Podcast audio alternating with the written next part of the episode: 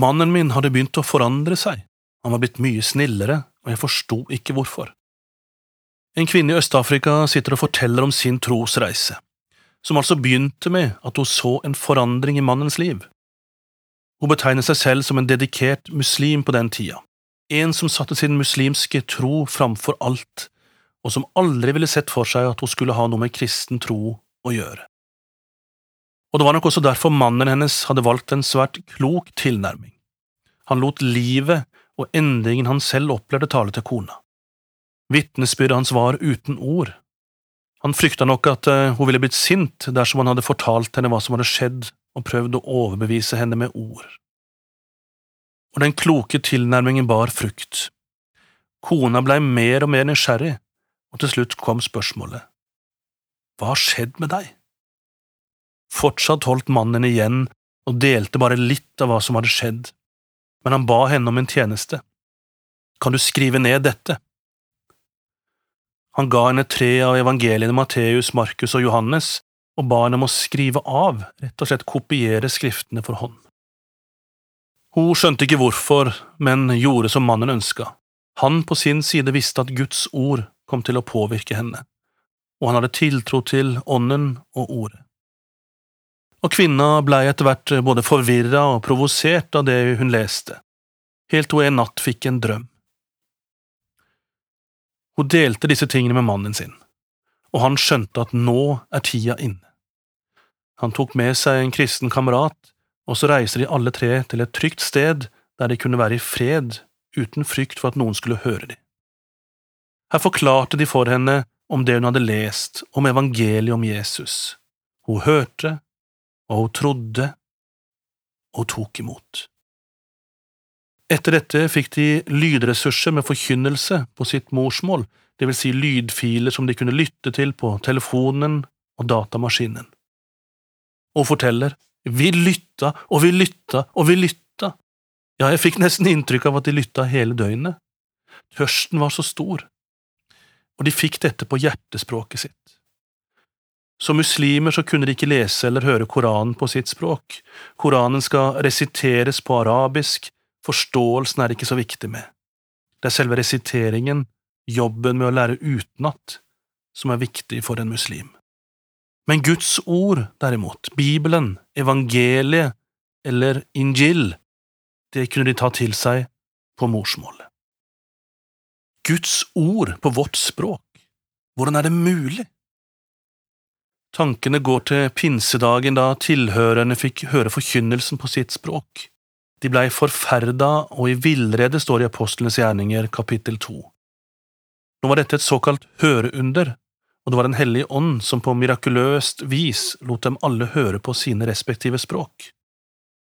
Men reaksjonen, forbløffelsen, den tenker jeg minner mye om hva vi ofte hører i Norea når vi hører vitnesbyrd om hvordan mennesker rundt om i verden reagerer når de får høre evangeliet på sitt morsmål. Hæ? Snakker Gud vårt språk? Eller som de sa på pinsedagen, slik vi kan lese i Apostlenes gjerninger 2,8. Hvordan kan det da gå til at hver av oss hører vårt eget språk, det vi er født inn i? Det vi er født inn i, ja, eller morsmålet, som vi sier, hjertespråket. Det er nok vanskelig for oss å forstå viktigheten av dette, vi nordmenn som har vokst opp med Bibelen på norsk, både bokmål og nynorsk, forkynnelse på norsk, barnesanger, salmer og lovsanger på norsk. Men tenk om vi måtte ha nøyd oss med engelsk eller tysk? Ja, dette setter perspektiv på ting. Hvor høyt verdsetter jeg at jeg kan lese Guds ord på norsk? Hvor viktig er det for meg? I Efesene 1, 17–18 så ber Paulus.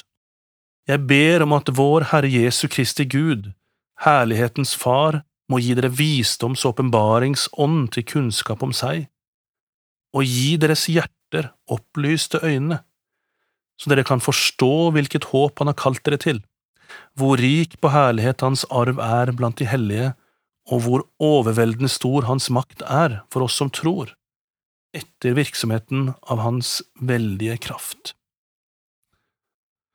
Jeg synes at uttrykket å gi deres hjerter opplyste øyne er så nydelig. Og det handler om den indre overbevisningen som vi får i hjertet når Den hellige ånd overbeviser oss og grunnfester oss i troen, så vi forstår mer av hvor stort og viktig det er.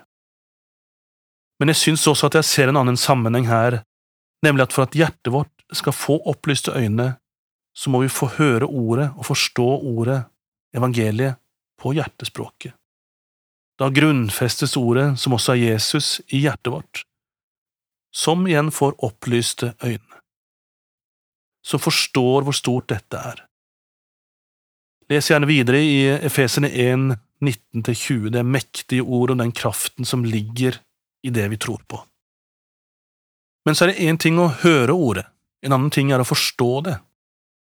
Bare tenk på den etiopiske hoffmannen som vi leser om i Apostles gjerninger 8.26 og utover. Han hadde vært for å tilby Jerusalem og var nå på vei hjemover til Afrika, til Etiopia. Han satt og leste fra Skriften, nærmere bestemt Jesaja 53, og Philip han hadde blitt leder til hoffmannen, og stiller han tusen kroners spørsmålet. Skjønner du det du leser? Hvordan skal jeg det når ingen rettleder meg, svarer hoffmannen i vers 31. Så hopper Philip opp i vogna, leser sammen med han og rettleder, forklarer og veileder. Det hele ender med at Hoffmann sitt hjerte får opplyste øyne for å holde oss til det bildet, og tar imot evangeliet og troen på Jesus i hjertet. Ja, så blir han til og med døpt der og da. En nydelig historie.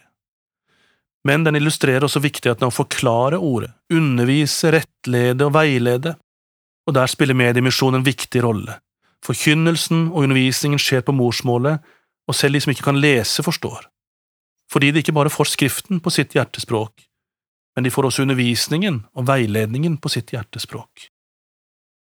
Akkurat som det etiopiske ekteparet jeg fortalte om i begynnelsen, de lytta seg både frelst, grunnfesta og veileda på sitt morsmål, ikke på hovedspråket amarisk eller oromo, nei, på sitt hjertespråk.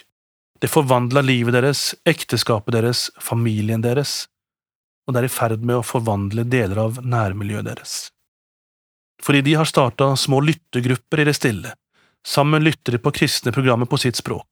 De må være forsiktige, men med sine liv vitner de for sine naboer, og litt etter litt legges det nye til, i det stille. De vil ikke provosere, men deres største ønske er at flere skal komme til tro, og dette gjør de med fare for sine egne liv, for de er allerede drapstrua for valget de har tatt. Og vet du hva som er forbønnsemnet de ville at jeg skulle ta med til Norge? De kunne ha dreid seg om beskyttelse, et bedre liv eller noe slikt. Det nevnte de ikke, men de ønsker at vi skal be om at flere fra deres folkegruppe skal komme til tro på Jesus. Og herved er du utfordra til å være med i bønneflokken. Amen. Du har nå hørt en andakt i serien Over en åpen bibel. Dagens andagsholder var Jostein Zett. Serien produseres av Norea Medmisjon og følg oss gjerne på Facebook og på Instagram. Der får du flere ganger i uka oppdatert informasjon om det arbeidet som vi i Norea driver på med.